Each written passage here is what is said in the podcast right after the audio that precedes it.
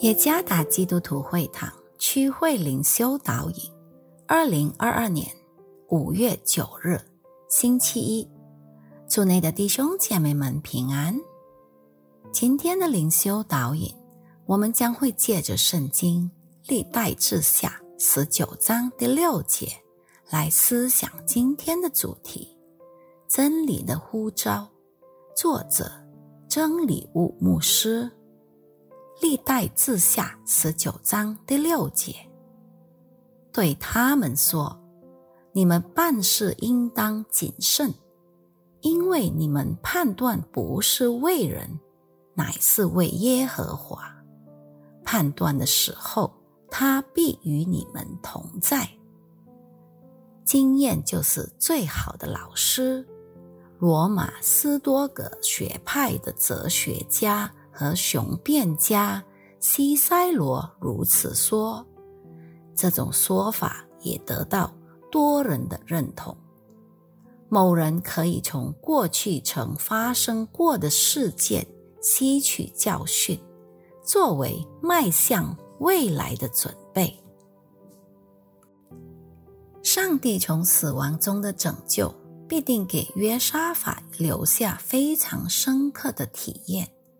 况且，传讲上帝话语的先见耶夫也严厉斥责约沙法，意识到接受亚哈的邀请对他来说是个错误的选择。约沙法仍有机会悔改和改善自己，因此，约沙法在履行他作为国王的职责时。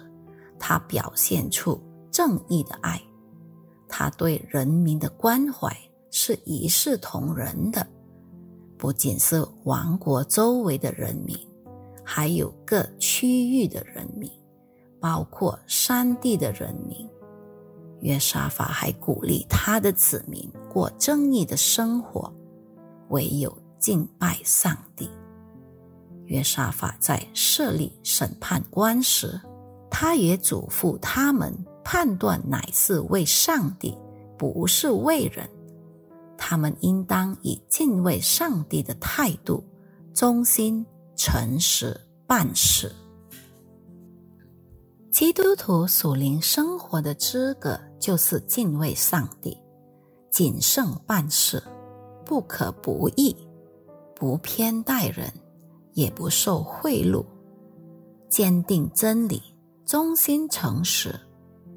其实我们在职场世界中所面对的是人类，但我们仍然是对上帝负责任的。愿约沙法的经历能兼顾我们在上帝的呼召下生活。当我们让上帝的话语引导生活时，我们将会经历到真正的悔改与更新。愿上帝赐福于大家。